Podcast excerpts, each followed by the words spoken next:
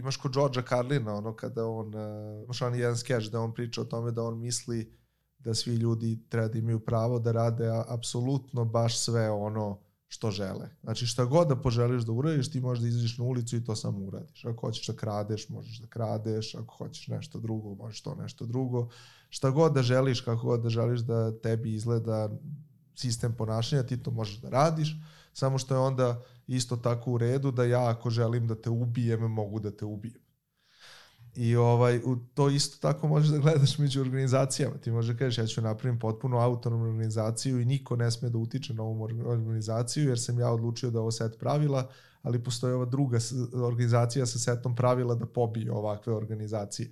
I ti moraš da, da ovaj, živiš nekako u tom sistemu i oko tog sistema nekako nastaje društvo. Znaš, i kao, hm, ove stvari baš ne možete da ubijete ovde, hm, baš ne možete da budete samostalni, ovde nešto, ovde drugo i ovaj, gradi se nekakav sistem u kome ti živiš koji opisuje današnji svet.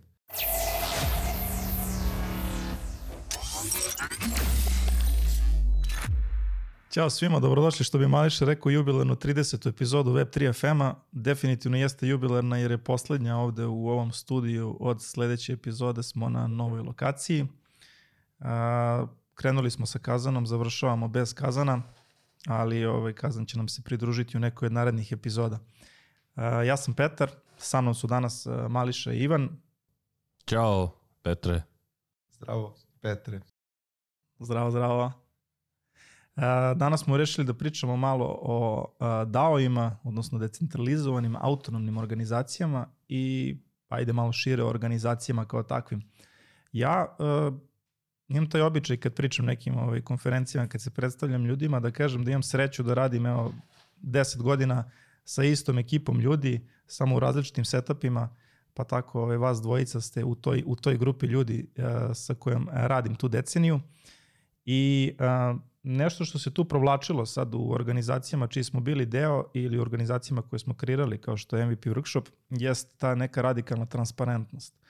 Tako da ovaj, vratio bih se na početak toga zašto smo uopšte odlučili se za, za radikalno transparentnu organizaciju. Ivane, hoćeš ti? Uh, pa znaš kako, mislim da je ideja iza radikalno transparentnih organizacija uh, najviše krenula, ne samo kod nas, nego i inače iz same ideje da zaposleni mnogo do, bolje donose odluke od ovaj firminog rukovodstva.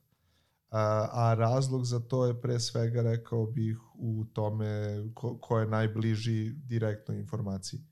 Mi konkretno kada smo to radili u Devani, kad je vlada Prelovac pustio da se to desi i ovaj, kada smo pokrenuli sve te razgovore, uh, Uh, mi smo, ja mislim, najviše to gledali iz ugla toga da je u um, koru Devane, odnosno meni WP-a kao njenog proizvoda, zapravo taj proizvod i da ljudi koriste taj proizvod i da je ono sva vrednost koju mi generišemo dolazi iz toga da li su ljudi ono na najbolji način uh, obsluženi proizvodom i u smislu samih fičera proizvoda i u smislu ovaj, tehničke podrške koju su mogli da dobijaju i tako dalje i organizacija je organizovana prema tome. I o, kad pogledaš ko je najupućeniji u to da li ljudi koriste jeli, proizvod na pravi način i slično, to je zapravo tehnička podrška. Samo na mesto mikrofon da možemo lepo da čujemo, izvini.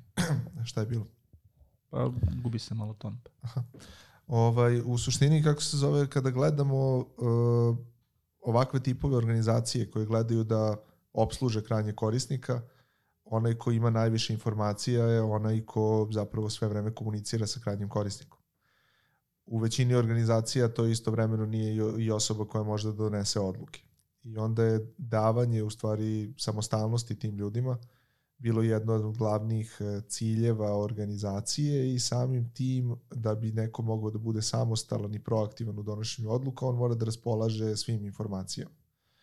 I onda je logika bila kojom smo se vodili da na nivou cele organizacije je idealan scenario da e, svim ljudima koji u njoj učestvuju daš pristup svim podacima da bi oni mogli maksimalno dobro da donesu odluku prema krajnjem korisniku. Druga stvar je što onda u takvim organizacijama ti imaš potencijalno i mogućnost za te ljude da donesu i najbolju odluku prema sebi samima u smislu znaju lakše kako napreduju organizaciji, mogu da pitaju ili da saznaju zašto je neko drugi unapređen, mogu da saznaju šta oni moraju da urade da bi bili unapređeni i, i slično. I u tom, ili mogu da zaključe u kraju ruku da ovo nije za njih organizacija i da treba da odu, što isto ume da bude dobro i za, i za čoveka i za firmu. E, tako da iz tog ugla rekao bih da mm, davanje maksimalno svakom članu organizacije mogućnosti da učestvuje u odluci je je li bio primarni cilj i razlog da se ovaj tako nešto uopšte dogodi. Ovaj, ne znam, Ališe, da li ono ima nešto tu da je tebi posebno prijalo tada, kako da kažem, i konkretno tada u Devani, ovaj, a i posle kada smo krenuli sa, sa MVP workshopom i sa drugim organizacijama koje smo mi pravili, zašto smo usvojili te principe koje je tada MVP ovaj hteo da živi? A, pa u suštini ima jedna stvar oko koje sam se ja vrteo tu. Ja sam bio s obe strane spektra ovaj, u radikalnoj transparentnosti kao pojmu. S jedne strane sam bio zaposlen, a s druge strane sam bio poslodavac. Ne u oba trenutka, ovaj, kasnije sam bio poslodavac sa tim da vidim kako to izgleda sa te strane. I zapravo a, sa obe strane postoje isti problem koji sam ocenio, a zanima me baš da me ispravite ako nisam upravo. To je a, transparentnost u informaciji nije, ne objašnjava kako se donosi odluka. I u tom smislu često će se ljudi zbuniti i reagovati na hiljadu različitih načina kada dobiju neku informaciju. Jedan način je da budu nezainteresovani i da im ta informacija ništa ne znači, jer ne znaju šta da urade s njom, a drugi je da misle da će oni na kraju moći da odluče kako izgleda budućnost u kontekstu te informacije. Odnosno da na osnovu te informacije misle da mogu da donesu odluku koja će automatski biti usvojena u toj organizaciji.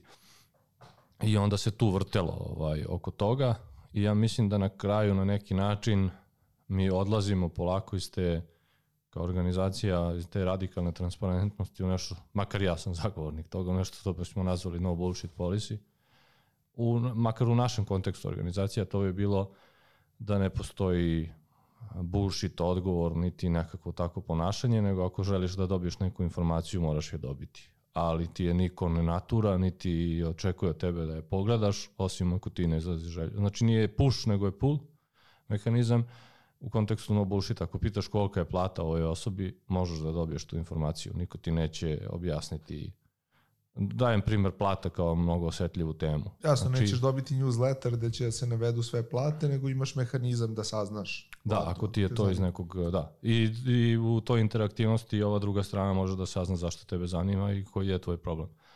A u tom smislu se meni lično više sviđa taj no bullshit princip, a, koji je dosta nalikuje na radikalnu transparentnost, samo uh, ima taj moment da, da možda bolje rešava, verovatno ima neku manu, jel? ali mi deluje da bolje rešava taj moment odlučivanja gde se ni, ni jedna strana ne za, znači prosto ne možeš da budeš a, nezainteresovan za informaciju jer je ni nećeš dobiti pa da budeš zainteresovan, osim ako je ne tražiš i ako je tražiš, to ne znači da ćeš moći neku odluku da doneseš. Mislim da problem uh, i koji dao i imaju, ajde da kažem kao današnja tema, ali i koji ima bilo kakva transparentna organizacija, pogotovo radikalno transparentna organizacija, radikalno je li znači da imaš pristup svemu sve vreme, ovaj, je u tome što prvo imaš previše informacija i onda ljudi ni ne znaju kako, ne samo ovo što, slažem se što si rekao da imanje informacije nije u jednoj korelaciji sa donošenjem odluke jer možda ne možeš da doneseš tu odluku ili ne znaš kako to da uradiš ali ovaj e, imanje prevelike količine informacija često vodi ka tome da ljudi jednostavno u šumi informacija i ne vide tu koja je za njih bitna.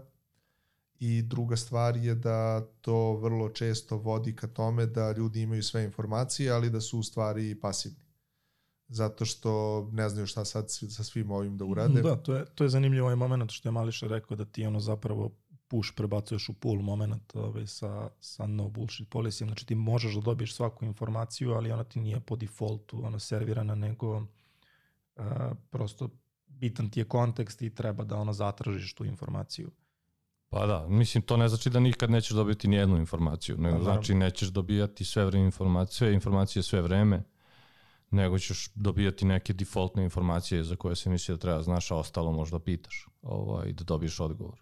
Idealno da možeš sam da ga nađeš, a sad da ne ulazimo u to koliko je Dobro, realno. problem je tu mehanizam. Da. To je up- upravo nešto što sam htio da kažem, nama transparentnost kao takva nije uh, zamena za postojanje mehanizama ili za postojanje nekog governansa i tako dalje. Znači mi prosto moramo da imamo nove, novi neki ono set uh, pravila koji se naslaže na to da bi ceo sistem mogao da funkcioniše. I uvek sam imao tezu da uh, radikalna transparentnost sa sobom mora da povlači da je sistem fair, jer u suprotnom uh, se sistem raspada. Znači ako sistem ono ima gomilu exceptiona, onda samo transparentnost daje uvid u te, u te ovaj, exceptione i onda uh, sistem koji nije fair prosto u, urušava se i ljudi odlaze, odlaze iz njega. Tako da uh, ta transparentnost vuče sa sobom i odgovornost. Hoću reći da... da Ja mislim da transparentnost sa sobom vuče transparentnost. A za fair ja mislim da je to uh, mogu da zamislim sistem koji baš i nije do kraja fair, vrlo je transparentan i ljudi prosto prihvate da je to tako. Znaš, ovaj, zato što dobiju možda nove informacije. Kad kažem fair, fair je upitna stvar, šta znači fair? Znaš, ono, za tebe je nešto fair, za mene nije, i onda možemo oko toga da se vrtimo, ali ali suštinski hoću da ti kažem ukratko da ne bi sad dužio ono koncept pravednosti poenta je mogu da zamislim radikalno transparentan sistem koji nije do kraja ono nisu svi zadovoljni time aj tako da kažem ali vide sebe dugoročno u tome zato što ima neki viši cilj ili tome slično ali ne mogu da zamislim radikalno transparentni sistem da opstaje duže, a da nije transparentan do kraja. Odnosno da postoje neke informacije koje su, ti ne znaš kako su donete, odluke koje ti nisu jasne ili bilo šta tome slično i onda ti se protur, mislim, hi, hi, hipokrisi, kako da ga kažemo, ovaj, licemerstvo, znaš, da tako kažem. Znači ja imam utisak da je kao radikalno transparentno, u stvari nije jer je tamo neko doneo odluku, ne na osnovu možda sličnih informacija ili dosta sličnih koje ja imam, samo mi nikad nije objasnio tu odluku. To onda nije radikalno transparentan sistem jer ja nisam shvatio tu odluku. Ti nemaš kontekst, ti Da. samo video transakciju. I, pa da, šta. ili post hoc mi je doneto, kao evo vidi, ja sam u fazonu čekaj, ti si sad razmišljao i imao si hiljadu informacija koje mi sad iznosiš nakon donešene odluke. Mislim da je to i iz ugla blockchaina onako neka tema ovaj, u kojoj sam ja uvek verovao da, da ovaj to poverenje na, na nivou blockchaina nije zapravo binarna stvar. Ne samo na nivou blockchaina kao tehnologije, nego uopšte poverenje i u distribuiranom sistemu nije binarna stvar, kao što i poverenje između nas trojice nije binarna stvar. Ti možeš da veruješ meni u nekom procentu, ja tebi u nekom procentu i možemo da verujemo jedni drugima različito za različite stvari. Znaš, možda mi veruješ e, 100% da tebi neću da ukradem pare, ali ovaj mi veruješ 50% da neću da zakasnim na ručak. Znaš, nije, nije, ista, e, nije ista stvar, nisu iste vrste odluka, e, nisu isti nivoji odlučivanja i slično i generalno ne može se verovati u sisteme da uh, oni opisuju jedan na jedan 100% transparentno i fair e, sve stvari koje su se tu dogodile i da ono u tom smislu uspostavljaju neko apsolutno poverenje. Ja mogu da dovedem u, u organizaciju čoveka uh, i mogu da mu kažem uh, ovo je tvoja plata, svi će znati tvoju platu, ovo su tvoji bonusi, svi će znati tvoje bonuse, ovo su tvoji ciljevi, svi će znati tvoje ciljeve. Ali eto, čisto da ti znaš kad ja i ti pričamo, ako ovaj dostigneš ove ciljeve, ja ću da ti dam 20% firme. I samo to ne kažem nikom. Razumeš šta ću ti kažem? To je na nivou poverenja između mene i neke osobe.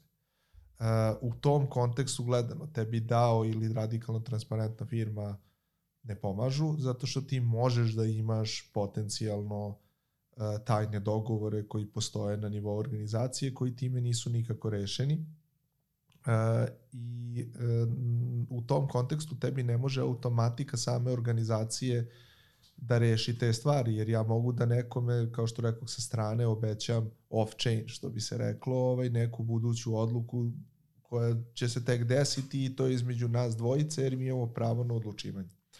Mislim da je to kod DAO interesantno, jer kao ideja DAO da je to decentralizovana organizacija, ona faktički ide u nekoj vrsti pravca da ne bi trebala da postoji čak ni centralizacija takvih odluka. Ali ta centralizacija će uvek u nekom smislu barem postojati, jer ako ti nek, jer ja mogu da ti kažem to, dobit ćeš 20% za dve godine ako nešto, to nije nigde u, u sistemu, jeli, ovaj opisano, I, a ja ti kažem to na nivou toga da ti ja u stvari obećavam da ću ja glasati za tebe i ti znaš da ja imam 10 drugova koji će isto glasati za tebe jer sam ja to tebi sada rekao.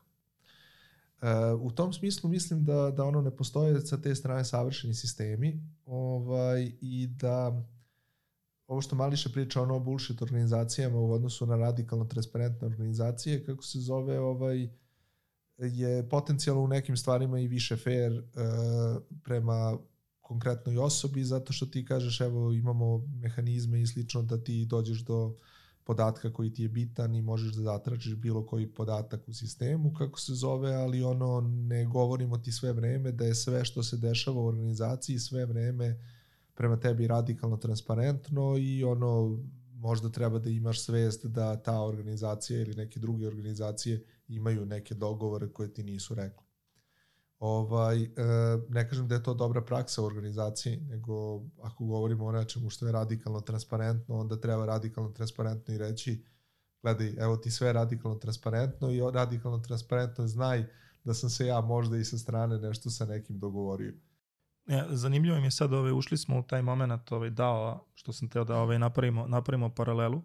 Šta bi ono za vas, sad ne govorim o tom nekom ono, knjiškom primjeru, uh, on, odem na blog i pročitam definiciju, nego šta bi za vas značio taj aspekt decentralizacije, a šta aspekt autonomije u kontekstu DAO-a sad? I da li su, mislim, kakve su to opšte organizacije? Znači, ono, razložimo ta, ta tri elementa, a, kako ih ono vi posmatrate lično? Uh, uf, odakle da krenem? Mogu jedino knjiški da ti dam, pošto u praksi pitanje je da li to funkcioniše ali ako uzmemo kao malo formalnije... Izvini, ali volio bih da napraviš tu, znači onda paralelu, kad kažeš u praksi, znači ono... Pa vidi, suštinski kad čitaš neke ono uvodne tekstove na tu temu, naići ćeš na on, organizaciju kao u DAO, decentralizovana autonomna organizacija. Organizacija ne moramo da definišemo, nadam se, skup ljudi sa nekakvim ciljem, ajde, uh, zajednički.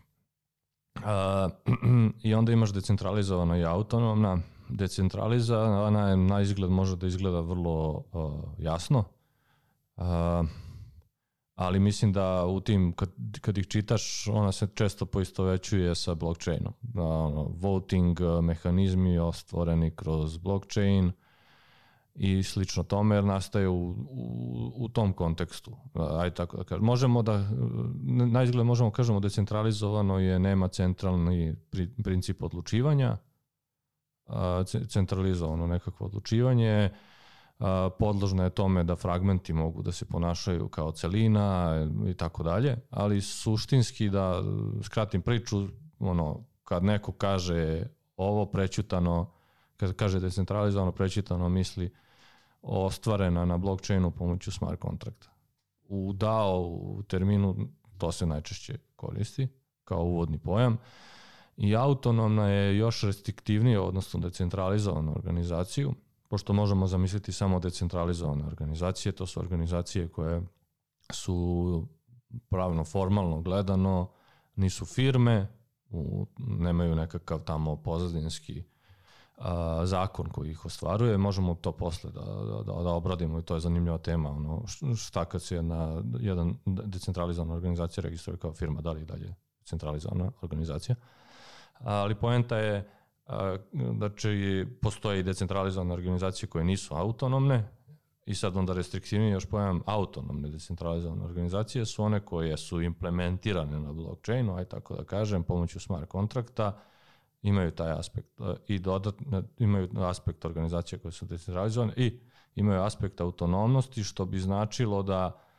ta organizacija autonomno donosi odluke. Sad, to može da zvuči glupavo ovako van konteksta, kao kako, šta znači da jedna organizacija donosi autonomno odluke, u smislu, jel to znači kao ni, nema niko drugi uticaj na njeno donošenje odluka, pa rekao bih da svaka organizacija vratno teži da ostvori neku autonomnost i mislim da se pod tim pojmom to ne, ne, ne, ne smatra se to, da je to autonomnost, nego suštinski da ona bez ljudskog faktora, ajde tako da kažem, donosi odluku. Kako mislimo bez ljudskog faktora? To znači ljudi su na ivicama tog sistema. A, ili ti na engleskom humans on the edge. Ljudi daju inpute i outpute, primaju, ali sam tamo algoritam, ajde da ga nazovemo tako, na tim smart kontraktima plus neka buduća veštačka inteligencija i slično, tamo donosi finalnu odluku. Znači, recimo, mi se, nas trojica smo neki dao, a, enkodiramo sve u smart kontrakte, u najširem mogućem smislu te reči, i imamo neku odluku da donesemo. Sama pravila donošenja odluka su na smart kontraktima, mi samo glasamo. I kad donesemo glas, zna se šta je tačna odluka i dobijemo output, treba da uradite to i to ajde uzmemo u sci-fi, ono, čisto da, da bi ono pojasnili gde ono je neka ta strateška ideja gde treba da ode dao.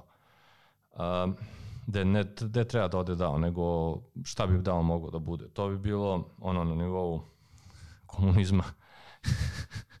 ja dođem i kažem, ja, moji skillovi su ti i ti, ja sam član dao tog i tog, nekako mi taj dao proveri te skillove, i ja dobijem ispljunak ono, na papiru, danas radiš to. I ja krenem da čuketam i radim to.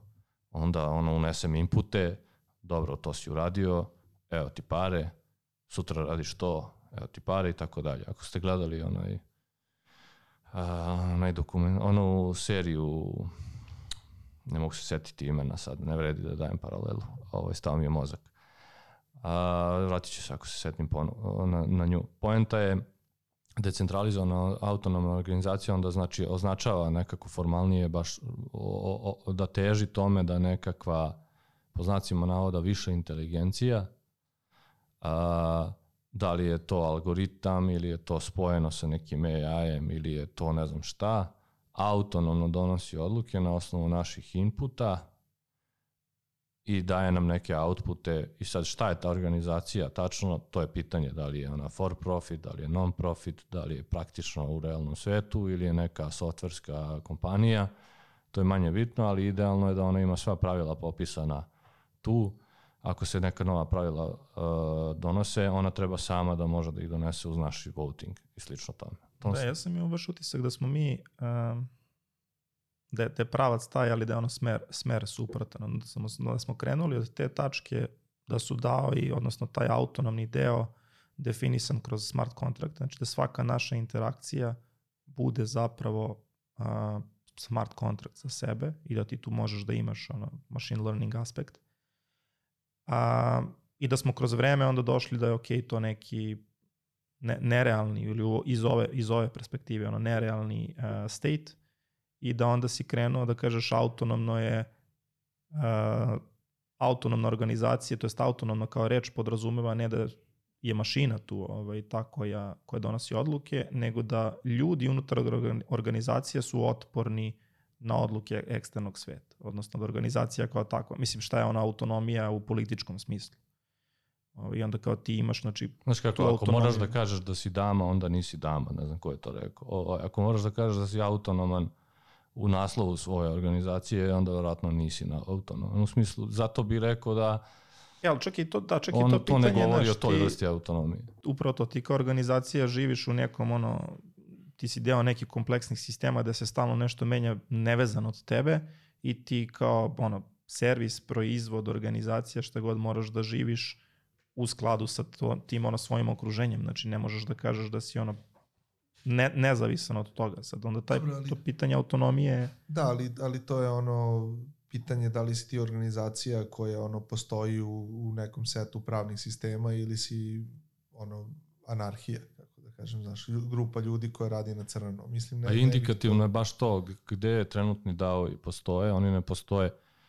Sad treba da uvedemo par koncepata, ima zadruga u, u Srbiji i oni ne postoje u formama poljoprivrednih zadruga, oni postoje kao softverski skup, skup ljudi koji radi na softveru koji je ono čisto digitalan i možda tu mogu da Ja ostvare. Mislim, da, ja, ja, te lično, osnovne, da. ja lično mislim da treba krenuti od ovog što si ti rekao kao tu se bar razumemo, a to je ovo organizacija. Zato što mislim da DAO i po meni e, su zanimljivi iz ugla toga gde idu danas organizacije. E, u smislu, ako gledamo organizaciju kao tradicionalan, e, singularan entitet sa nekom hijerarhijom, onda je dao upitna tačka, zato što s jedne strane možemo da ga gledamo kao manje efikasan sistem, kako se zove, koji samo omogućava ljudima više slobode, ali gde onda ti politikom rešavaš nedostatak hijerarhije i verovatno ideš u lošiju situaciju od ove suprotne.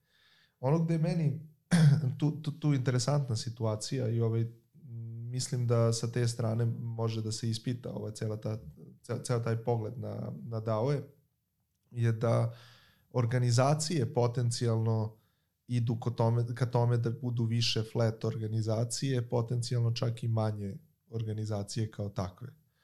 E, ako gledaš ovaj decentralizovani deo, ti si spomenuo malo pre zadrugu, znaš, ja sam nekako uvek doživljavao DAO kao ideju, kao neku vrstu digitalne zadruge, gde ako gledaš poljoprivrednu zadrugu, ti možeš u zadruzi ili kooperativi, kako bi ovaj, ono, koop, kako bi rekli, lupam u Americi, ti možeš da imaš u istoj kooperativi pojedinačne rančere, rančere koji su partneri i ovaj velike firme koje su vlasnici rančeva, gde se one, oni okupljaju zajedno da ispune određeni cilj i imaju, kako se zove, prava u skladu sa svojim brojem i sa svojom veličinom.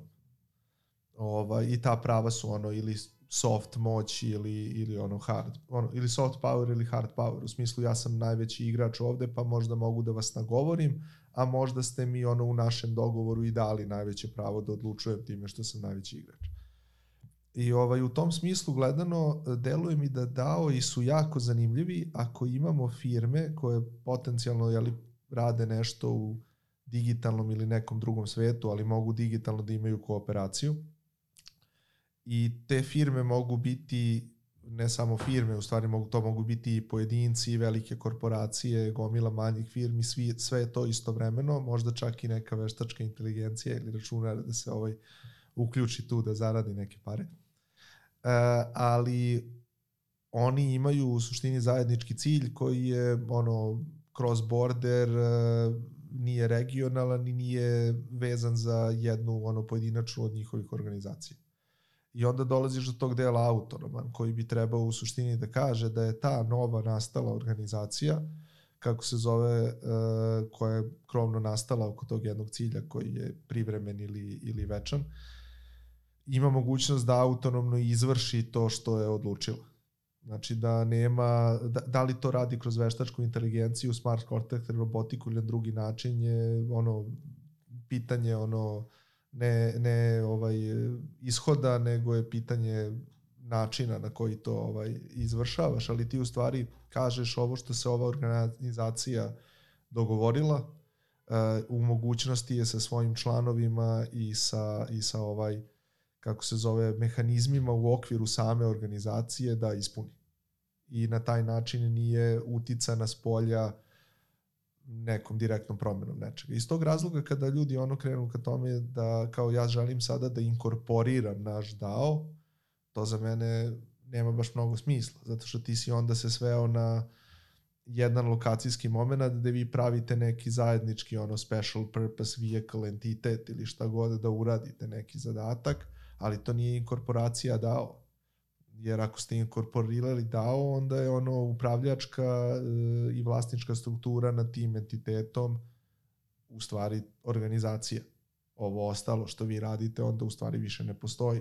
O, to je samo formalni način da se sprovede neka... E, iz tog razloga To možeš proveriš da... kroz tužbu. Ako te neko tuži, ne može, a, tu organizaciju registrovanu, ona će da funkcioniše po pisanom zakonu, a, a ne po nekom tamo dao zakonu na smart kontraktu. Zato kažem, to je special purpose vehicle. Ti si u stvari ono nešto uradio u organizaciji i sad kažeš, eto, ja nemam vezu sa fizičkim svetom. I treba mi ovo da, da odem u neki APR da registrujem da bi tamo nešto mogo da, da ovaj prevedem.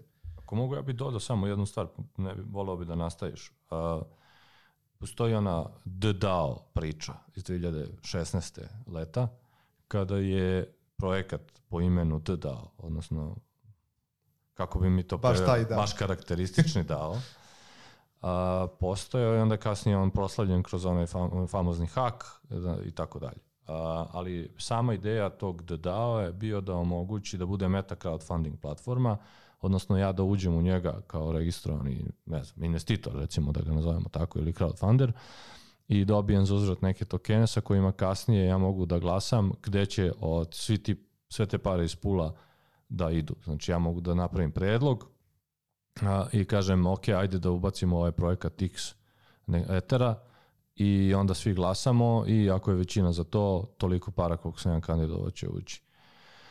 A, I ideja je bila da na nekom meta nivou se reši a, sam princip a, organizacije ljudi kroz potpuno decentralizovani način, u tom smislu što su ti smart kontrakti koji su napisani nisu bili updatable, nego su bili prosto, mogli su da se koriste. Jel? I na, kad je nastao taj hak, niko nije ni mogao ni da, da menja source code upravo zbog toga, jer nije bila osnovna ideja da DAO može na bilo koji način da se menja, već je bila ideja da novi DAO može da nastane kroz nove smart kontrakte. E sad, zašto je zanimljiv taj primer? Ne samo zbog tog imena koje ono indikativno objašnjava kako je su DAO i u to vreme bili shvatani. Bili su shvatani kao potpuno decentralizovan sistem, jer bilo ko je mogo da uđe u njega na permissionan način, depozitujući neke pare, i mogao je da glasa na bilo koji način, svi su bili jednaki, nije bilo uh, i sve je bilo na blockchainu, kroz Solidity implementiran autonoman u tom smislu što je imao uh, a, a, na, ispisane način odlučivanja u samim smart kontraktima i organizacija je bio zato što su se ljudi organizovali oko toga. I ono što smo pomenuli humans on the edge. I onda kad se desio hak, uh, hak je nastao, suštinski možda bude delom zanimljivo, znači ti ako si u manjini, a ne želiš, deo si dao, i sad ne želiš da se tvoje pare plasiraju na tamo gde je većina glasala, ti možeš da splituješ dao. I odnosno da kandiduješ novi dao, treba ti nedelju dana da se splituje taj novi dao i onda ti formiraš, da kažeš, neki split dao. I taj je čito source code haker i splitovo je dao, a u splitu je bila neka neka suštinski funkcija koja je imala bug, tako da ja sam mogu da povlačim pare pre nego što mi se menjao uh, iznos uh, totalnog salda. I onda sam mogu da eksploitujem smart kontra. E sad, šta je ideja? Kako je? Tu sad dolazi interesantan deo kako se, kako se reaguje u takvoj situaciji u kontekstu decentralizovane autonomne organizacije. Bile su dve grupe ljudi. Jedna grupa ljudi je krenula da se organizuje tako što su oni krenuli da splituju dao i da koriste isti hak samo za white hack, hack da bi vratili pare nazad, a druga grupa ljudi je odlučila da, da hard forkuju Ethereum. Odnosno da se velika većina minera i tako dalje udruži i da sve transakcije koje su se desile u krađi samo revertuje, da tako kažem, ukratko. I sad tu je zanimljivo, tu nastaje problem. Javlja se gomila ljudi koje u fazonu ovaj haker je čitao pravila decentralizovane autonomne organizacije, vrlo jasno u tim pravilima napisano da on može ovo da uradi. Zašto niste napisali bolja pravila? I onda je sam, i onda se mislio čak i da se haker javio sa tom idejom, kao potpisuje ovaj, privatnim ključem, ali ispostavlja se da nije tačno, da je on potpisao, ali poenta je, tako je nastao Ethereum Classic, tako što su rekli sam autor pravila, odnosno sam autor decentralizovane autonomne organizacije je kriv kad je napravi onakvom kako možda nije želeo da je bude, jer je ona je van kontekstna. Ne možeš ti da mi objašnjavaš šta si hteo da kažeš naknadno, nego svi mi imamo pravila autonomne organizacije taj aspekt autonomne. Znači ona je autonomna od svih nas. I ako si ti kao tvorac autonomne organizacije uradio loše, ti ne, nemaš prava kao vlasnik organizacije da menjaš naknadno pravilo. I to se očituje u tom dodao. I samim tim kada je Vitalik i ekipa su odlučili da treba se forkuje, sam koncept autonomnosti u tom vidu je bio pod znakom pitanja. Ja bih se složio suštinski sa tom odlukom jer nisam zagovornik autonomnih organizacija zato što mislim da one samim tim nemaju politički aspekt, a meni deluje da kad kažeš organizacija to je na neki način uvek političko. Ne na način dnevne politike, nego postoji negotiation između tebe i mene, ovo što si rekao malo čas. Postoji uvek pregovori neki koji se dešavaju i samim tim postoji određena politika te organizacije koja je promenljiva. Tipa zavisno od ljudi koji čine tu organizaciju. Jer ja pravno formalno mogu da budem sad ono chief product officer, a realno da budem chief operating officer ili obrnuto. A, I u tom smislu ne možeš, mnogo zavisi samo organizacija od ljudi koje čine. I ona je promenljivog tipa jer su ljudi smrtni. Jel? Ovaj, u tom smislu nisam ni siguran da li ti do kraja možeš tu autonomnost da realizuješ. Jedino, i sad dolazimo do AI-a, možeš da je realizuješ tako što napraviš tu super inteligenciju koja zna bolje od tebe, pa je ona u fazonu, ne, ne, ja znam sve vas, itd. Ali to je far-fetched ideja, samo kažem, da. ljudi se valjda nadaju tome. Mislim da dolaziš tu u ovaj drugo jedno pitanje, a to je ovaj kad si rekao da je autonomna zato što ima, e, kad si rekao da je autonomna organizacija zato što ima smart kontrakte i zato što veštačka inteligencija ili e, pametni ugovori i blockchain kao reše izvršivost. Ti sa druge strane na tom primjeru DDAO-a možda kažeš da on nikad nije autonoman jer je uvek zavisio za izvršenje od Ethereuma jer su mu svi smart kontrakti bili na Ethereum.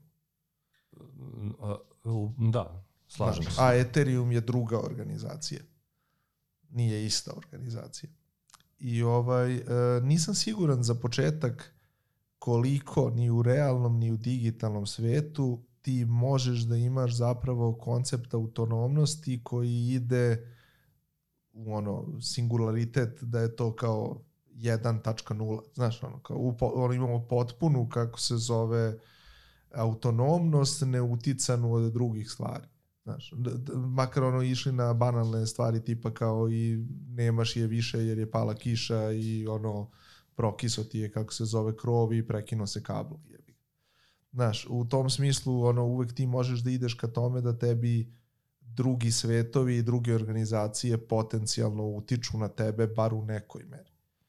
Ovaj, u tom smislu gledano, uh, isto tako ti možeš da napraviš novu organizaciju, ali ako ona u suprotnosti sa drugim pravilima društva, ovaj, ona isto tako može da bude iz, izopštena od društva.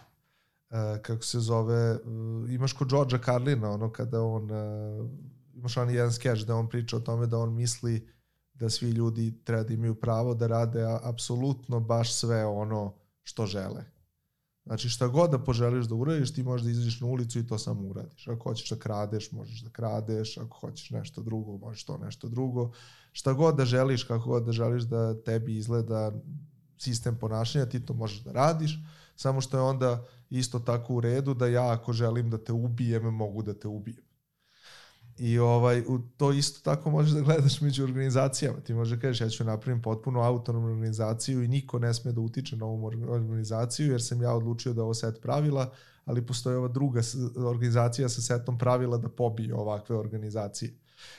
I ovaj ti, anarhije i ti moraš da, da ovaj, živiš nekako u tom sistemu i oko tog sistema nekako nastaje društvo. Znaš, i kao, hm, ove stvari baš ne možete da ubijete ovde, hm, baš ne možete da budete samostalni, ovde nešto, ovde drugo i ovaj, gradi se nekakav sistem u kome ti živiš koji opisuje današnji svet neka pravila tog sistema se umeđu vremenu e, promene. I upravo mislim da se to slaže i realan dao svet sa tim, znači što ti kažeš.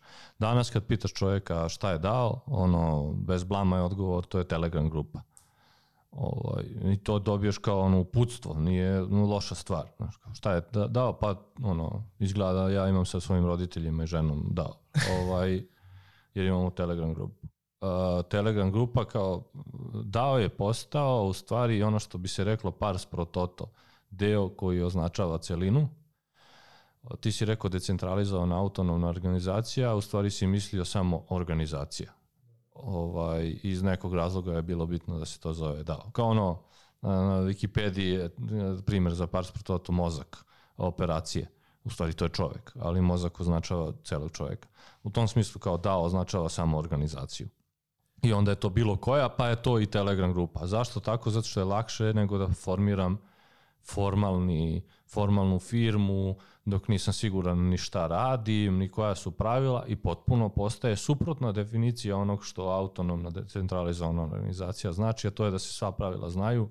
Ti trenutno imaš daove koji počinju da se zovu DAO-ima baš zato što ništa ne znaju. Ni šta im je product market fit, ni šta im je business model, ni koja su uopšte pravila, ni ko, ko su osnivači ni šta uopšte oni hoće, ni da li imaju token ili nemaju, da li su ranovani tokenom, kako se uopšte votuje, znači kako se glasa, znači ne postoji ni jedno pravilo, samo su napravili formalno neku grupu i krenuli su to možda, imaju multisig, ali možemo da zamislimo i da ga nemaju. A, I u tom smislu, gledano, ovo što ti kažeš, suštinski je na terenu tako, ti imaš obične organizacije koje sebe zovu DAO-ima. Jeste. Ovaj, mi... I lično, da. izvini, samo da nemam ništa protiv uh, toga što su organizacije. Jedino je čudno što, se, što imaju, znaš, ono, šta je da motiv, da šta je tačan motiv da to zoveš DAO. On registrovan je kao LLC-ovi u Americi i slično, da, da. znaš, ovaj... E, mislim da ono što jeste interesantno tu što to ne bi moralo tako da bude, razlog zašto kažem da mislim da ne moralo tako da bude, mislim da postoji tip projekata koji su jako podložni tome da bi bili dobar primer za formiranje DAO-a oko takvih projekata i to su većinom različite vrste open source projekata. Pričao sam par puta na tu temu ovaj, na nekim mestima da je po meni jedna od najvećih ovaj, novosti, da tako kažem, koja se desila sa kriptom i najbitnijih stvari koja se sa time desila, ovaj, u stvari ta mogućnost da e, na open source e, dodamo biznis model gde je plaćanje u okviru samog proizvoda pokriveno njegovim tokenom, e, gde je monetizacija proizvoda vezana za token, gde je prikupljanje vrednosti vezane za proizvod vezano za token dok pre toga ti ako si imao open source proizvod, uh, ti si davao source code svima da mogu jeli, da ga forkuju, da rade šta hoće i tako dalje, zavisnosti od licence. Ali ako si hteo da ga monetizuješ, ti si morao da ga monetizuješ kroz tradicionalan, tradicionalan kompanijsko-finansijski sistem. Morao si da imaš račun u banci, morao si da otvoriš e, firmu, registruješ je u APR-u i kako se zove da onda uh, kroz to nudiš neke nove usluge ili proizvode koje monetizuješ. A u trenutku kada ti potencijalno imaš code base na GitHubu koji je sam po sebi proizvod koji generiše vrednost i imaš token da prikupi tu vrednost, tebi treba i novi tip organizacije koji ovaj u toj situaciji sa takvim tokenom i distribuiranim sistemom i gomilom različitih kontributora može da prati kao organizacija je li takav novi vid proizvoda. I ovaj, u tom smislu mislim da su dao i perfektna stvar za to. Mogu da zamislim situaciju gde bi mogu da postoji Ethereum dao, na primjer da pravimo sad Ethereum iz početka i da nismo pravili Ethereum fondaciju, nego da, da neko pravi Ethereum sad iz početka, ti bi mogo da imaš Ethereum DAO gde se nalaze i ljudi koji e, kontributuju koru Ethereuma, bilo znanjem, bilo day-to-day radom na, na Ethereum klijentima i tako dalje, ali i sve druge da se tu nalaze privatne firme koje rade druge Ethereum-based proizvode. I to iz ugla governance i slično je za mnogo zanimljivije, verovatno za Ethereum kao coin i za Ethereum ekosistem nego e, fondacija u Švajcarskoj ali to je iz današnjeg ugla gledano, gledano i dalje ovaj, postoji gomila ono pitanja kako ti to zapravo pravno formalno regulišeš. E, ta situacija gde imamo odjednom open source softvere koji su firma za sebe je nešto što mi nismo ispratili ni na jedan drugi ono, način. Ti, ti imaš u nekom virtualnom svetu ono token svog proizvoda koji prodaš u nekoj menjačnici, spustiš sebi pare na račun, znaš, platiš šta trebaš za te transakcije, kako se zove, ali na kraju dana uh, open source sistemi uh, koji se baziraju na tipa smart contract platformama gde ti imaš automatizaciju vezanu za organizaciju, automatizaciju plaćanja, autonomni sisteme u tom smislu ti možeš da imaš i organizaciju koja prosto tako živi. Ja, dobro, ne možemo znači da posmatramo sad, ajde samo ono kao zasebno trendove u Web3 industriji nevezano od ostalih ono dešavanja i sad ako pogledamo ono prethodnih e, par godina sa ono covidom, sa prelaskom na, na, na remote rad, uh, sa ne znam ono quiet quitting trendom, pa onda sad ovim ono layoffovima koji se dešavaju. Uh, quiet quitting, brate, to je bilo da bi Dobro sad podelili otkaze svima, brate. e, ali to je, to, to je zanimljivo, znaš, iz ugla da ti danas ono imaš kao tekst koji priča ono layoffovima koji se dešavaju, a pre ono šest meseci trend je bio kao quiet quitting. Ja sam uvek mislio da je to neki spin, pošto kao quiet quitting ne znam kad nije postojao kao, kao novi fenomen. Kad nisi imao ove što nisu teri da rade. Kao, da, kao uvijek si imao lenje ljude sam. Pa da, pa, kao, da. Samo si ih imao u kancelariji, razumeš, ono, pa su ti bili tu, ono, dru, drugačije ekspozovani. Znači, imaš ono masovno ljude koji kažu moraš dolaziš u kancelariju da bih ja tebe kao šta kontrolisao, jer nemam ono pa drugi, drugi mehanizam da. da te kontroliš. I sad kažem, kad posmatramo te neke trendove, kad posmatramo eto ono i ono chat GPT, na primjer, ovaj, uh, sada, kako to vidite da utiče na organizacije i šta onda nam iz toga sledi u naredne recimo ono dve, tri godine? Pa možemo da ono a, to ono kategorišemo u, u, gde sve može da utiče. Može da utiče u brzini, u ono hijerarhijskom smislu, u veličini organizacije i par stvari. Ja, ja sam to krenuo da razmišljam, znaš, s Ivan, nismo se dopisivali, pa Ivan ono, pomenuo da će možda biti manje prosto organizacije vremenom, ono prosto će nastajati sve, neće biti puno ogromnih organizacija. To mi je bilo zanimljivo, nisam siguran, volao bih da prokomentarišeš na tu temu. Van, van toga zadržat ću se sad, baš bih volao to da obradim. Pa ja, ja mislim da trenutno ovaj trend eh, kod mladih ljudi je ka tome da bi više volili da rade sa pet ili deset svojih drugara nego što bi voleli da rade u firmi od 10.000 zaposlenih. I ovaj, e, mislim da trenutno tu postoji i problem, zato što onda oni očekuju da im firma od 10.000 zaposlenih da, da, da rade sa 10 svojih drugara, ali da im, da tako kažem, obezbedi ovaj, sve one stvari koje oni sa 10 svojih drugara ne mogu sami sebi da obezbede. A što misliš da se to dešava? Kako se zove onaj Dumb, Dumbarov broj? Number, uh, da, kako? Dumbarov broj. Ko, koji je beš? 150. Šta je 150? To je bilo ranije, znači da ti kao, mislim, to je bilo pre par godina ovaj, firma neka koja kaže kad ti dođeš do uh, kritične neke tačke od 60-70 ljudi, on uzme i pocepa firmu na dva dela ili otvori novu. A čekaj, bio I zašto aha. je to? Zato što kao ti imaš taj Dumbarov broj koji je 150 ljudi, da ti možeš da imaš nekih smislenih relacija, odnosa u svom životu. I sad kad ti uzmeš, znači to je kao ako te stavimo u prostoriju sa tim ljudima, da tebi ne bude neprijatno i da ti ono, imaš neki dublji odnos. I sad ako kažeš da je to 150, pa oduzmeš ono porodicu, prijatelji i tako dalje, ti dolaziš do te neke tačke od 70 ljudi koje tebi možda ode na kolegi.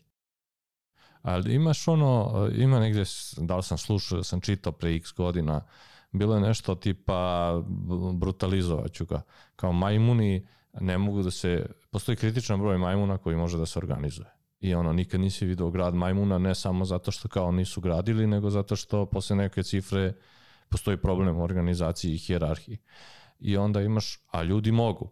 Ono, gradovi su dokaz da možeš da imaš određenu strukturu, organizaciju ljudi koja je ono broj više milionska. I sad postoji, neko je to obrađivo. I kao, i pričaju o tome zašto, nije ni bitno, ali ajde da kažemo da postoji moment kod čoveka koji je zanimljiv da možeš da, kao sisar, ajde, mogu da zamislim da imaš milione bakterije, ali da. pričamo o nekim kao inteligentnim bićima u tom konvencionalnom definiciji inteligencije.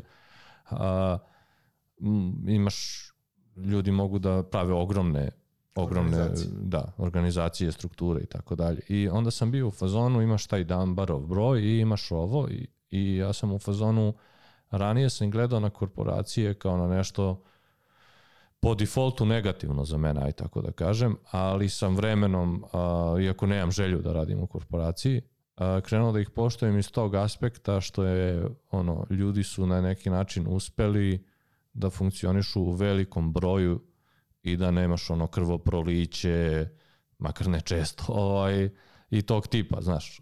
I onda sam samo, u tom kontekstu mi je bilo zanimljivo što si rekao, mladi ovaj, za, sve više teže da ne rade u takvim sistemima. Ja sam bio u fazonu da li ovo downgrade za civilizaciju ili upgrade. Ne, ali, ali gledaj to iz, eh, iz drugog ugla, nije pitanje uopšte civilizacije. E, šta je meni problem sa Dunbarovim brojem? Ti krećeš od toga za početak da je tebi progresija, da imaš, eh, ne znam, 20, 50, 100, 150, 300 ljudi i onda kao sad, hm, previše ljudi, treba da ih pocepam na više organizacije. Da, ali ti danas možeš da imaš organizaciju koja kreira beskonačno veliku vrednost i ima 10 ljudi ovaj, ti to nisi mogao da imaš eh, kad je tebi primarni ono proizvod bila tipa poljoprivreda i sad gomila ljudi samo mora da ode na njivu. U današnjem sistemu ono, organizacija da ti imaš ono mlade hipstere koji žele da, da putuju po svetu i da na računaru napišu parče koda, nešto izdizajniraju, urade ili slično, njihova mogućnost da urade nešto sa računarom, veštačkom inteligencijom, sa par prijatelja, sa eksternim servisima je mnogo veća nego što je, kako se zove to, bilo ranije. Ti dalje ne možeš da tako napraviš Google, ali većina ljudi svakako ne može da napravi Google. I onda dolaziš do toga da pojedinac danas verovatno ima manju uh, direktnu vrednost od pripadnosti velikoj organizaciji kada je posao u pitanju nego što je imao pre 50 godina ili 20 godina ili 30. Da vidiš da to ide. Ja imam jedan problem koji vidim, ali me zanima, ne moraš možda njega... Pa mislim da, da ide u to da postoje određeni veliki problemi za koje ti treba velika organizacija koje će biti teže rešiti. Zato što tebi talentovani ljudi žele da rade sami i samim tim, ma šta oni sebi pričali da oni žele da rade na velikom problemu, ti kada vas je malo i kada nemate dovoljno resursa, ti si ograničen na vrstu problema koje možeš da rešavaš. Što znači da ono potencijalno ćemo imati sada trend da jako talentovani ljudi u relativno malim organizacijama rade na problemima sa ograničenim impaktom. I dalje će tebi onaj top level stvari da se reši, bilo kroz postojeće velike organizacije, bilo kroz ultra talentovane ljude koji ono koje svakako ne možeš da nađeš u velikom broju, ali očekivao bih da Split ka ono ka ukrupnjavanju u tim velikim organizacijama lako može da ode u suprotnom pravcu jer gomilu poslova koje rade relativno velike firme jednako dobro možda može da odradi manja grupa ljudi. Ovaj i njima je jednostavno da kažem privlačnije i, i direktno isplativije da samo te stvari urade sami. Možeš da daš ono primer možda gde vidiš da prosto velike organizacije ne mogu da budu zamenjene i druga stvar mi je ono kako vidiš neke trendove u skaliranju. E, Ono, ne mogu da budu lako zamenjene tamo gde imaš e, capex e, heavy aktivnost. Tipa treba ti milijardu dolara da napraviš nešto što donosi pare u narednih 20 godina. I ono, tipa mostovi infrastruktura. Znaš, znaš ono, te neke stvari koje zahtevaju i dalje veliku količinu radne snage, veliku količinu kapitala i dugoročnu stabilnost za povratak investicije koja je posle toga možda jako dugoročno povrat, ono, vraćanje investicije. E, druga stvar, e, bilo gde gde organizacija kao organizacija ima veliki added value u odnosu na pojedinca. E, mislim da recimo bi mo- moralo mnogo da se desi sa robotikom, supply chainovima i, smisl, i slično da zameniš firme koje imaju robustne supply chainove. Zamisli sada da imaš odjednom firmu koja funkcioniše kao Ethereum protokol samo za slanje robe. i ono sve je na smart kontraktima i sve je na robotima koji šalju robu i ti odjednom možda imaš malog proizvođača koji obslužuje ceo svet. Danas to ne možeš jer ti treba ogromna organizacija koja čak i ako neko krene da se ono pojavljuje u tom smislu, ona će ono kroz ukrupnjavanje uzeti i, i ovaj kupiti tako nekoga ili slično, ali na, kada to makneš iz fizičkog sveta na nivo digitalnog sveta, za većinu stvari ti možeš da ideš ka tome da male grupe ljudi mogu da budu jednako dobre, samo da im fali iskustvo i znanje. E, I tu dolaziš do tog problema kako mala organizacija obično radi. Ja zaposlim pet svojih drugara, kažem, drugovi, gledajte, ono, imamo klijenta, radimo na klijentovom projektu, ja ću da uzmem za to jednu platu, plus ću da uzmem ono, da zaradim marginu jer sam organizovao posao 10-20% na to kako se zove koliko su vama plate, to ću da stavim sebi u džep, vi imate plate koje imate i kako se zove, e, to je to. Dajem primjer. I zašto to pričam? Zato što ti tako možeš da napraviš tim od 5-6 ljudi. Ti tako nikada ne možeš da napraviš tim od 100 ljudi, e, a postoje projekti ono koji zahtevaju stabilnost, garancije i tako dalje, koji zahtevaju da na njima rade timovi od 100 ljudi.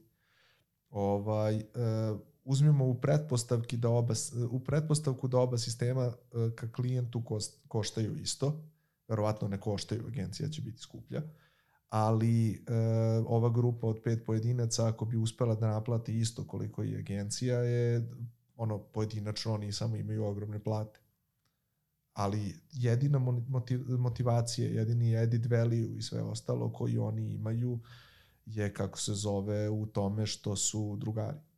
Oni nemaju drugu prednost kako se zove u odnosu na organizaciju koja je gomila takvih timova sa jasnim leadershipom, sa dužim iskustvom u pregovaranju, dogovaranju posla, realizovanju poslova i mogućnosti da iza stane kapitalom i da neke garancije sutra nešto krene roše na tom projektu, kako se zove, ti ljudi su samo bankrotirali.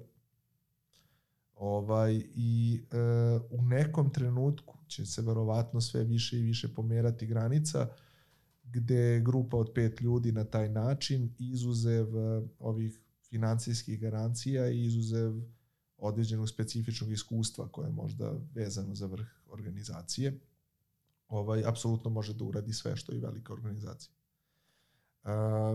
u tom smislu gledano ja bih onda samo očekivao da imaš sve više i više ljudi koji biraju taj drugi način života jer ono rađe ću da radim sa vama trojicom nego sa 200 nekih ljudi. Ovaj, razlog zašto je meni danas draže da radim sa 200 nekih ljudi je što to za mene kao ono, suvlasnika firme znači više para. Kako, ajde sad ono, kako povezuješ ta dva sveta?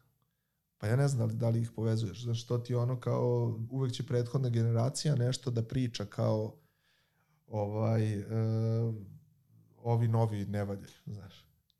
Ovaj, a ovi novi će da pričaju kao, hm, ne razumete prethod, ovaj, novi svet. Znaš, i to su, to ne pitam te ono iz preduzetničkog ugla, znaš, ne, ono, bez da sad zauzimamo stranu i kažemo ono, jedna i druga strana ima svoje prednosti i mane, šta je za tebe ono, kad pogledaš sad kažem sve te trendove koji, koji smo se dotakli, šta je za tebe ono smislen pravac kako ti gradiš dalje kao Pa znaš ka, da, to je, to je dobro pitanje. Pa gledaj, ja kako ti ja rekao, trenutno e, tradicionalni korporativni sistemi su dobri za preduzetnika u smislu ako si ti već establišovan na tržištu, ako si dugo radio nešto i slično, oni tebi omogućavaju uh, poluge da dobiješ vrednost za sebe.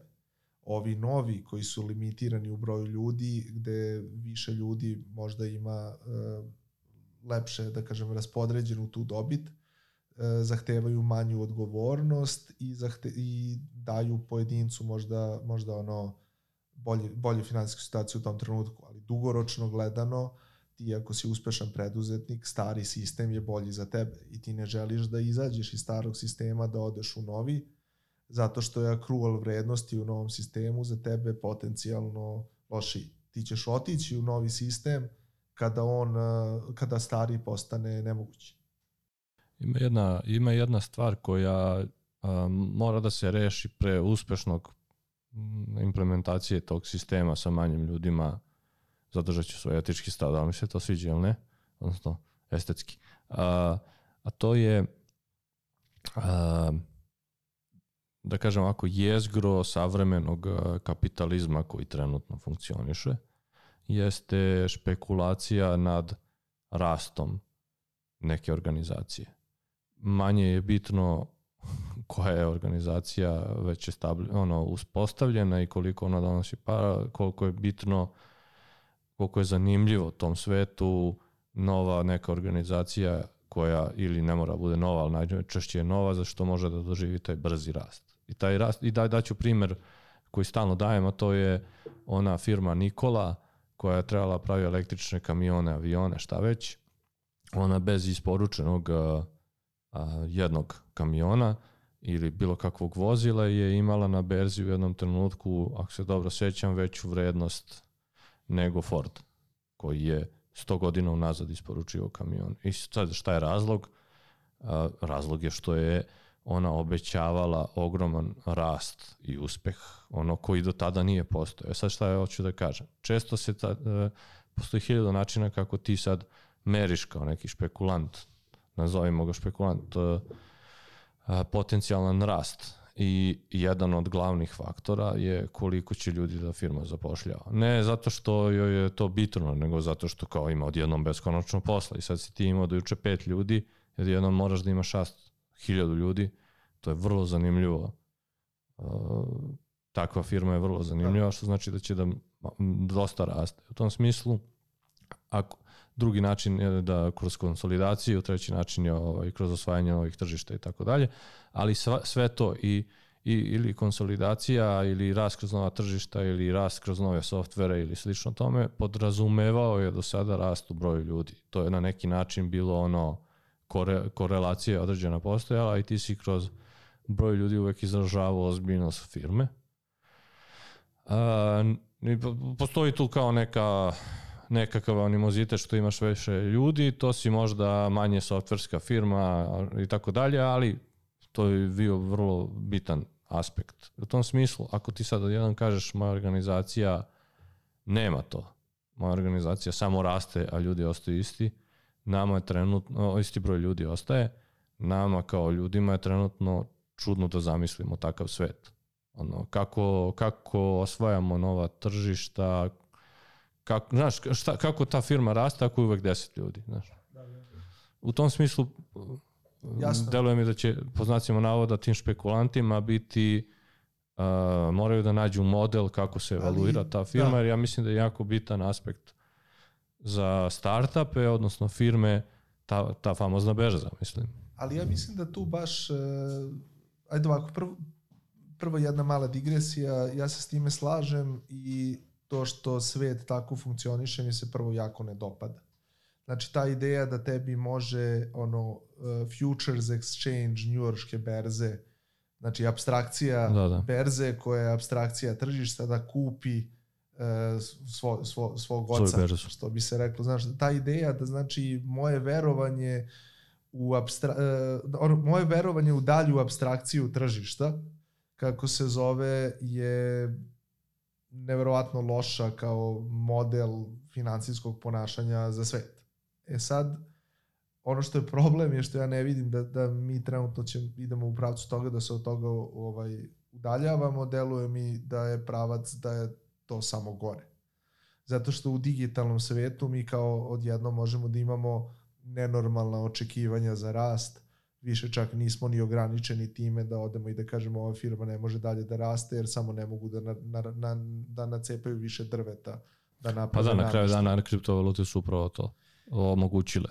E, e, mislim da, ali pazi, omogućile su ga i sa loše strane, ali da, i sa da. dobre strane. U kom smislu kažem sa dobre strane? Ovo kad smo malo prepričali sa, o, o decentralizovanoj autornim organizacijama, ti bi teoretski mogao i dalje da budeš špekulant na berzi koji se betuje na taj ceo ekosistem i koji se betuje na rast tog DAO-a, a DAO da kako se zove uh, i dalje bude uh, ono sastavljen od manjih autonomnih sistema. Kako se zove, ti autonomni sistemi nisu na berzi, to su privatni entiteti, kako se zove, ali ti špekuli, špekulišeš na nivou celog ekosistema i špekulišeš na nivou DAO. Ti ulažeš u Ethereum ekosistem i ulažeš u neke pojedinačne DAO-e na, na Ethereum ekosistem, oni mogu da rastu. Ali e, pojedinačne organizacije možda onda postanu preseljive grupe od 5, 10, 15 ljudi koje se sve vreme šetaju tu i rade nešto ovaj na, na ovaj drugi način i, i indikuju tržište na razne načine. Ja ne kažem da je to što uopšte postoji taj moment špekulacije na tržištu jako dobro, mislim nije baš da ide u pravcu toga da je dobro. Imam problem i sa tom osnovnom pretpostavkom ovaj, e, da, da ono drugačiji način ponašanja haltuje progres, jer sam u fazonu da nije baš sav progres dobar. Znaš, nekada je dobro samo ostati u određenim aktivnostima tu gde jesi. Ali e, gledano iz ugla organizacija i budućnosti, mislim da tu postoji taj moment. Ono što mislim da je bitno što sam rekao na početku je da mislim da ti ljudi koji odlaze da prave organizacije od 50-15 ljudi, a i dalje to rade ili rade posle posla nekako kao part-time angažovanje ili e, žele da rade u velikim firmama ili to zameraju velikim firmama, to je taj moment kao eto ja sam deo velikog ekosistema, šta će veliki ekosistem sve meni da da, da bi ja želeo da deo njega ostane. E, mislim da tu postoji taj problem ne iz razloga što oni žele najbolje za sebe, nego što to pitanje suštinski istovremeno vodi ka tome da kada odlaziš da vodiš svoju malu organizaciju od 5 ili 10 ljudi, to znači da ti zapravo nisi razumeo ono, ekonomiju kojoj pripadaš, kako se zove, jer uopšte postavljaš to pitanje. Znaš, ti ne praviš, ono, organizacija ne postoji da bi nešto dala tebi, ona pokušava da nešto uzme za sebe i daje drugim ljudima, kako se zove, zavisnosti kako je organizovana, uh, ono što mora ili treba da im da, da bi to bilo u najboljem interesu te organizacije. U teoriji možda ti posmatraš i svog ugla i gledaš kako hoćeš da ono distribuiraš rizik. Jeste, ne, ne, ali to i dalje uh, u, ovaj, u svrhu samo održanja organizacije. Uh, ti sa DAO možeš da dođeš u situaciju, kako se zove, ili sa drugim konceptom današnjih firmi, da ti distribuiraš uh, pravednije i bolje uh, vrednost, ono shareholder vrednost organizacije ka svim članovima. I organizacija to može da odluči, jer je to dobro za njene članove, ali samim tim e, organizacija to i dalje radi da bi održala i unapredila sebe. I, ovaj, e, ono, u svakoj evoluciji opstaće oni modeli koji se najbolje tome budu prilagođavali sa ljudske i ekonomske strane.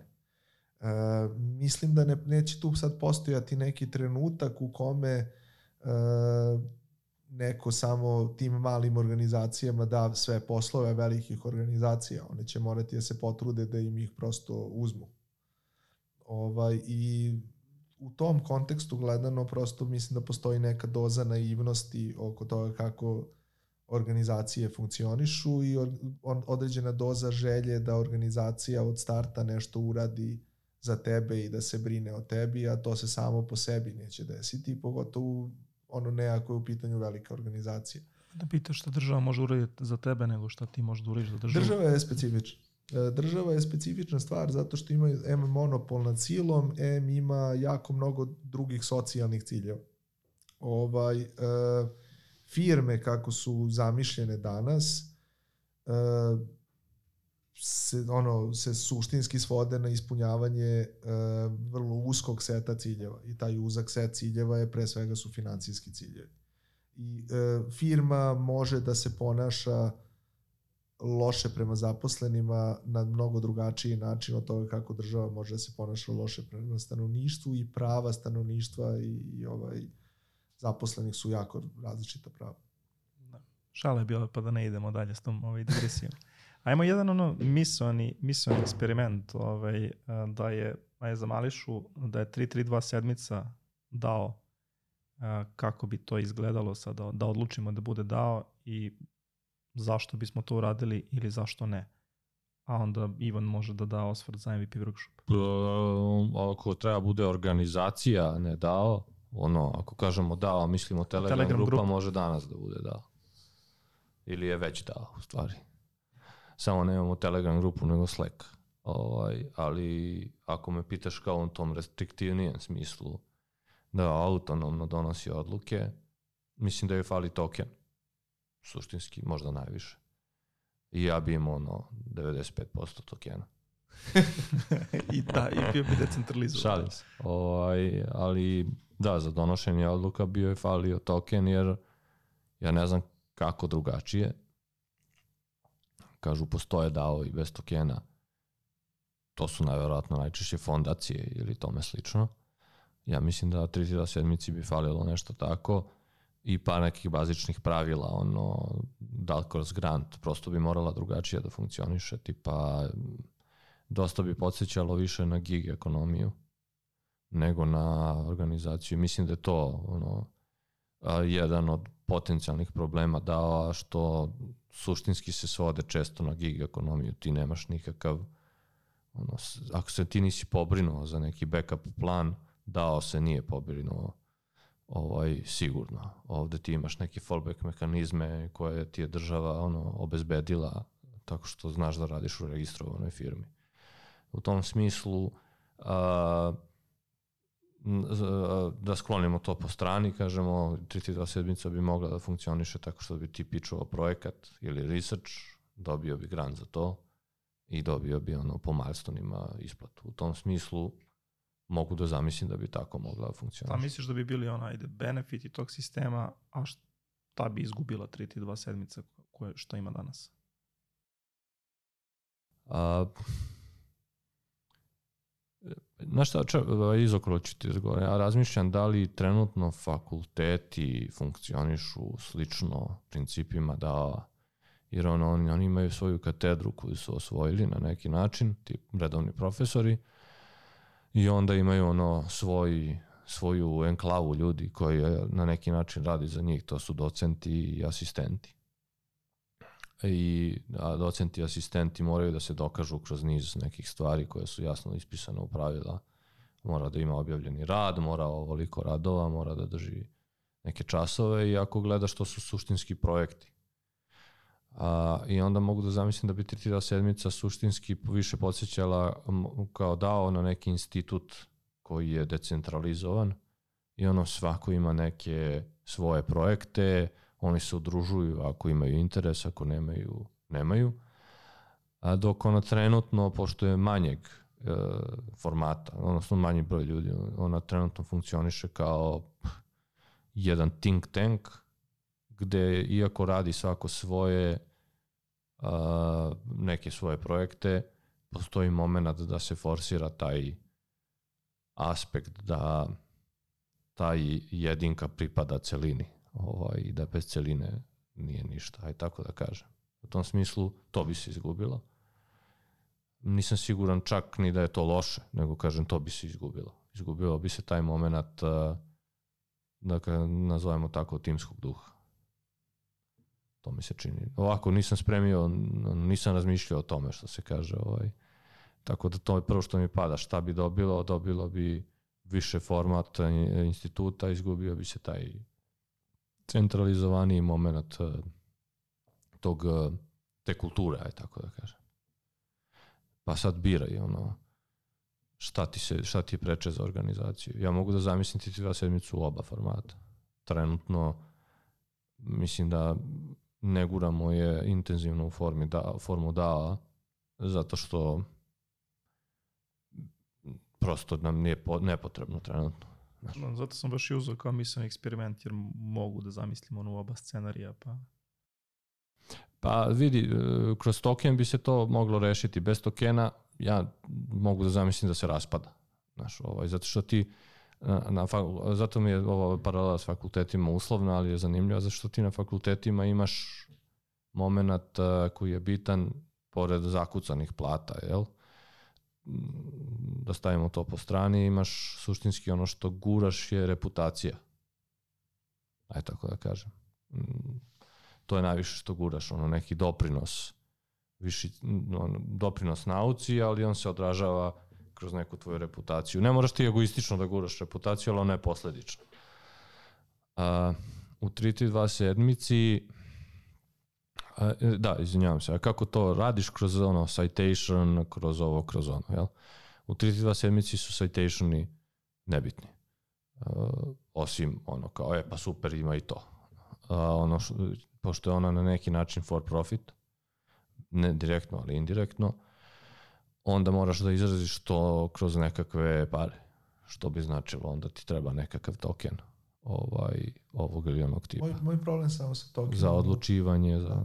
Moj problem sa tokenom u 327 u tom smislu je što 327 treba da razmišlja 2 do 5 godina u budućnost, što znači da token je s druge strane u tom kontekstu maksimalno špekulativan alat, ali ne u smislu toga da ti špekulišeš na to šta neko drugi radi, nego na nivou ovog Pa ima- svog momenta. Ima hiljadu, da, uh, a, ovako, postoje oni governance tokeni.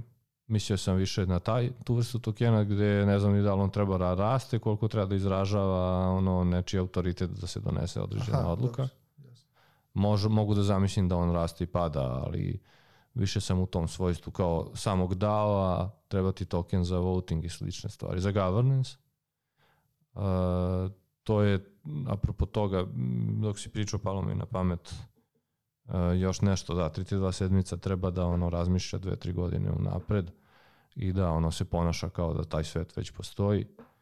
Uh, postoje oni kako se zovu ono, retroactive public goods funding tokeni i principi, možda bi to bilo zanimljivo za 32 sedmicu itd. Ali suštinski, pošto je trenutno 32 sedmica većinski, ona je 100% vlasništvo MVP workshopa, a, ti, ti si uslužni faktor, tako da kažem, MVP workshopu, da mu daješ nekakve ideje, odnosno i radiš na njegovoj reputaciji. Pitanje je da li bi ti hteo da se otvoriš onda za druge organizacije, ako bi hteo da ono daješ po principu first come, first served, ko dođe na moju ideju, onda mogu da zamislim da bi bio i for profits potpuno kao 3-2 sedmica, da ti smisliš neku ideju, napraviš je u formalizovanom papiru i u proof of conceptu i onda je, kažeš evo ko hoće ovo da izrađuje, ja mu dajem support, a ono može da otkupi ideju, aj tako da kažem, u nekom obliku. Pa, znaš šta, mislim da je tu interesantna stvar, pre nego što dođem na ovaj deo odgovora kako bi izgledao MP workshop. E, ima prvo mnogo smisla za 3327 da funkcioniše sa nekim od tih principa, ali e, ovo recimo što si rekao za retroactive public goods funding. E, to su sve tipovi stvari gde nekako kada sedneš da razmišljaš o tome, to je meni dobra ideja, ali mi je teška sprovodljivost ne samo na nivou 337, nego i čega. Zato što ti kažeš ja ću napraviti neke tokene da retroaktivno nagradim ljude koji su na ovome radili pre pet godina. Um, sem ako se ti nalaziš na nivou, nivou države, pa ono želiš nekome da daš tipa nacionalnu penziju ili neku drugu vrstu jeli, nagrade za to prethodno delanje, uh, ti verovatno kao organizacija nisi u tom trenutku u svom ono PNL-u jeli, uh, podstaknut time da to platiš nešto što se desilo pre pet godina. Ako me razumeš u kom pravcu, kako se zove, ovaj, pokušavam da kažem u suštini obično ono, pra, ono što ljudi plate je trenutni rad i kako se zove budući rad, redko kad je to minuli rad. Ti minuli rad možeš da dobiješ akcije, ali ti si akcije dobio u trenutku trenutnog rada ili kako se zove budućeg rada, a za minuli rad e, si ono profitirao jer su one skočile u vrednosti, ali ti si ih već dogovorio i dobio. Ono da ti dogovaraš naplatu nečega. Pa postoji kao neki postalo. protokol da ti od početka razmišljaš o public fundingu, ali nisam siguran. Ja sam, ono, nisam video to. Da, da, da. Pa ne znam da li je upalilo. Ali ja bih dao sad, ako dozvoliš, Pero, i ono što mene sad fundamentalno je problematično kroz svega ovoga, ono, kad sednem na kraju dana, sve mi je to interesantno i da čitam i tako dalje, ali sam fazonu, mi pokušavamo da rešimo problem čovečije reputacije, odnosno poverenja u druge ljude i od tu da recimo pojmovi kao što je trustless, a u fazonu sam pa ono kako da kažem po, možda, možda je rešiv, ali Možda je kao algoritamski rešiv, mada ne verujem, ali ajde kao, ajde možda je. Nego, zašto nismo stali i razmislili da li smo mi kao ljudi ono, uh, takvi da imamo u svom u svojoj ono, glavi, telu, kako da kažem, rešenje za taj problem. Ono, sedim pored druge osobe i gledam je i ne verujem joj šta god da mi kaže. Znaš, ono, ima ono, ugovori se poštuju dok se ne potpišu. Mislim, to je rečenica koju sam zauvek zapamtio i ono, jer sam gledao tipa koji potpisuje ugovor i znam da kad ga je potpisao, od tada više ne važi. Ovaj, u tom smislu, uh, ono, kada se vratimo na osnove, ja sam u fazonu čovek je biće koje je napravljeno da veruje ili ne veruje drugom i treba da radi na tome da osposobi sebe da vrlo pronicljivo vidi da li treba drugome da ne veruje. Znaš, a nekako se trenutno tu zanemaruje i pokušavamo da kažemo ne, napravit ćemo ti sistem da to ne važi. A zato i želim. Znaš, zato što a to, to. deluje lakše da napraviš sistem koji živiš u tom kontekstu nego što žel, de, ono, deluje da donosiš odluku. U, upravo, samo ja kažem možda je, možda, znaš, pitanje je da li je lakše, znaš. To je ona pozitivna, le, da, da, ali to je ona pozitivna lenjost, znaš, ono kao u smislu ljudi pokuša, ono, pokušavaš jednom da rešiš nešto da ne bi morao da ga rešavaš više ikada, je sad ono, problem je što to možda ni ne možeš da rešiš i problem je što je to ono pogrešna stvar za rešavanje i definitivno to vodi u krajnju ruku da za ove postojeće stvari većina tih naziva kao trustless i tako dalje potencijalno samo nisu dobri nazivi. Pa da, možeš da, ali dao je baš to. Ključ njegov, njegov je to da reši taj problem tako što će u stvari da izbaci čoveka. Eno tamo algoritam, eno tamo sve, nema šta ti da meni veruješ, prosto je to tamo. Znaš, bilo je svoje vremeno, ono, više se to ni ne pominje, Google je imao don't be evil, a ovaj Web3 je imao cannot be evil. Odnosno ti da napraviš sistem u kome ta osoba ni ne može da ga prevari. E sad ja mogu da zamislim specifične kejsove da, da je to tačno. Ali ako ti nazoveš da je, a organizaciju bilo koju da je takva, ja sam u fazonu pitanje da možeš general purpose rešenje da, da. da napraviš za poverenje. Ja mogu od slučaja do slučaja da zamislim. Više bih ono posmatrao ovo kao uh, šta nam donosi, nego da je ultimativno rešenje. Odnosno na koji način dao, ako je trend koji ostaje, ili ako je trend koji ima neki uticaj, ne mora da ostane, ali da ono kasnije prouzrokuje nešto novo, kako je promenio način na koji mi sarađujemo. Ne bi ono posmatrao ni jednu ono, ni jedan trend, ni jedno rešenje kao ultimativno nešto što ono završava, koje je krajnje stanje, nego bi više gledao, ok, šta zapravo to znači onda za nas kao, kao organizacije, za nas kao ljude, kako nam menja ponašanje.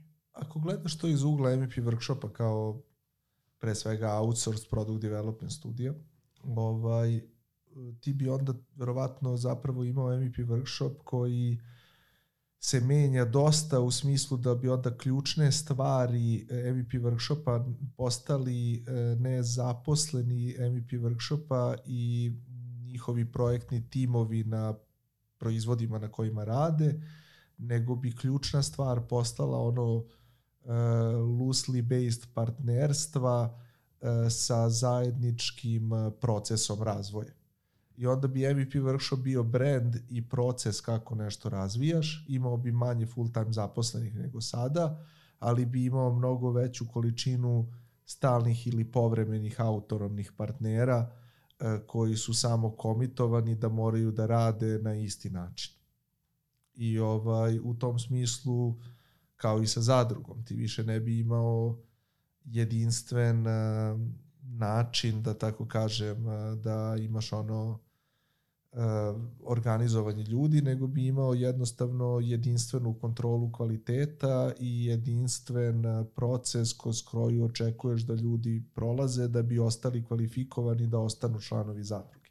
Pa sad ono, znaš, kao ako ja ovaj uh, koristim đubrivo koje ne uništava prirodu, a svi a, i svi ostali to koriste, a neko dođe u zadrugu i ono uništi zemlju kako se zove nekim drugim đubrivom koje je jeftinije i on dobije ono lošiji proizvod ili šta god samim tim kako se zove nakon prve druge godine ti njega izbaciš iz zadruge. ili ono u ovom slučaju prestaneš da zoveš taj tim sa kojim si partnerski radio s vremena na vreme, ali ili si radio stalno sa njima partnerski, ali suština bi bila u tome da je ono organizacija pojedinih timova potpuno autonomna, da je na tebi da organizuješ zadatke, dobijaš poslove i namećeš uh, proces. Ovo, i, I to bi onda bio MVP workshop. Manje bi bio jedna firma, više bi bio proces razvoja. Okay, jasno. Šta misliš da da bi bio ono downside toga? Downside toga bi bio što imaš mnogo manju kontrolu nad eh, time kako se te firme ponašaju i to što u jednom trenutku možeš da pozoveš nekog telefona i da kažeš ili možeš sutra da radiš na ovom projektu ili ne, a da ga prethodno nisi imao na plati. Uh, I isto ima downside toga što možeš da pozoveš samo sutra nekog i da ti on kaže ja više ne radim s tobom. Ovaj, ili radimo na nečem drugom sami. Ili možeš da imaš situaciju da ono overhead kontrole tog kvaliteta i procesa postane E, prevelik za organizaciju zato što to nisu tvoji zaposleni i ti ne kontrolišeš njihov razvoj van nametanja tog, tog tvog procesa. I ovaj, iz, to, iz svih tih uglova ono, ti imaš smanjenu kontrolu koja ti daje ono s druge strane istovremeno veću fleksibilnost ali ta ve, veća fleksibilnost, kao što rekao, rezultuje i smanjenom kontrolom, pa možda to uruši ceo sistem na kraju dana. E, samo i da se dotaknemo ono, na kratko toga, znači kad gledamo governance u, u, u DAO, gde, gde ono postaviti tu neku zlatnu sredinu između ono, s jedne strane decentralizacije, a s druge strane tromosti i birokratije, kako, kako bi to postavio, znači da ti je tebi on organizacija. Ja mislim da DAO to ne rešava. Ne mislim da rešava, nego kako bi ga ti postavio u kontekstu MVP workshopa. Jasno, nego hoću ti kažem, mislim da DAO kao, kao takav to ne rešava uopšte, zato što velika organizacija ono mora da planira samo mnogo u budućnost. Ovaj, I mora samim tim da bude birokratskija i sporija. A ovaj, ove autonomne male organizacije koje se prikupljaju slično zahtevaju drugu vrstu menadžmenta, ali imaju druge boljke i ako želiš da imaš neku uh, zlatnu sredinu, ti bi onda jednostavno mogao da kažeš MVP workshop i dalje postoji kao firma, ali MVP workshop ima svoj MVP workshop dao gde će edukovati druge ovaj manje firme od sebe i ovaj tretirati ih kao svoje potencijalne podizvođače.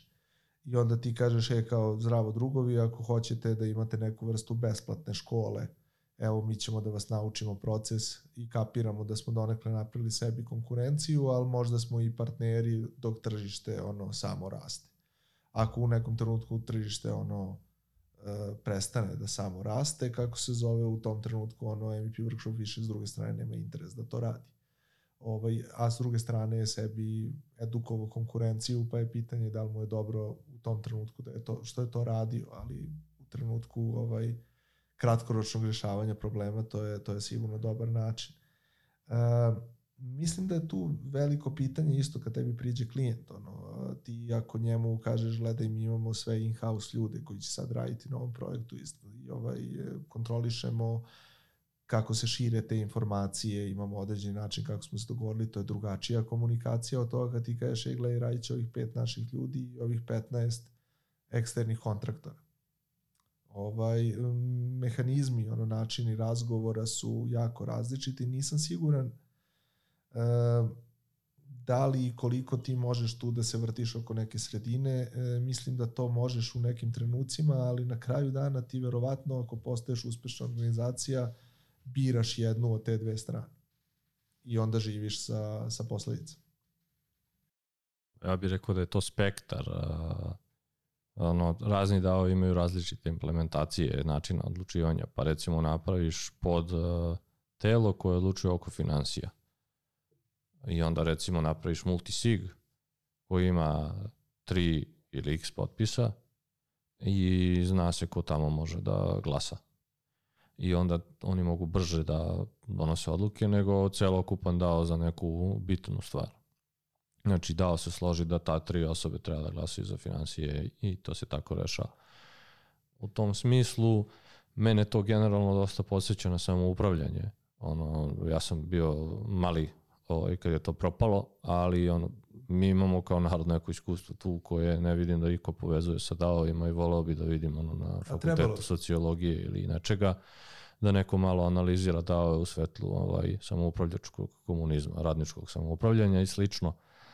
A, jer to je bila isto nekakva ideja, imao si, ja, se ne, ja sad ne znam detalje o kako je kod nas to funkcionisalo, vjerojatno nije svuda isto, ali istorijski gledano ti si imao krupne odluke koje se do, kao su se na nivou radnika ovaj, odlučivale, a onda sitnije odluke su bile delegirani delegati koji su sprovodili te neke odluke daily u skladu sa nekim principijalnim dogovorima.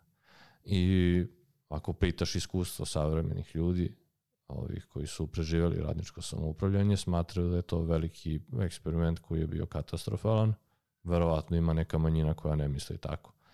U tom smislu, žao mi je što ceo taj dao pokret nije malo više svestan istorije i ne traži neka istorijska iskustva, nego sad, pošto su mladi ljudi misle znači sve oni pametno, da, što bi rekao onaj iz Denvera, onaj Kevin Awoki, legacy generations. Ono, u fazonu sam da ka, tu kažem da je on legacy generation. Ovaj, da ga uvredim. Znaš, kao, zamisli da ti neko, neko ono, ti imaš sad svoje dete i ono, ono smatra da si ti legacy generation. Ne, ne, bukvalno si ti legacy generation.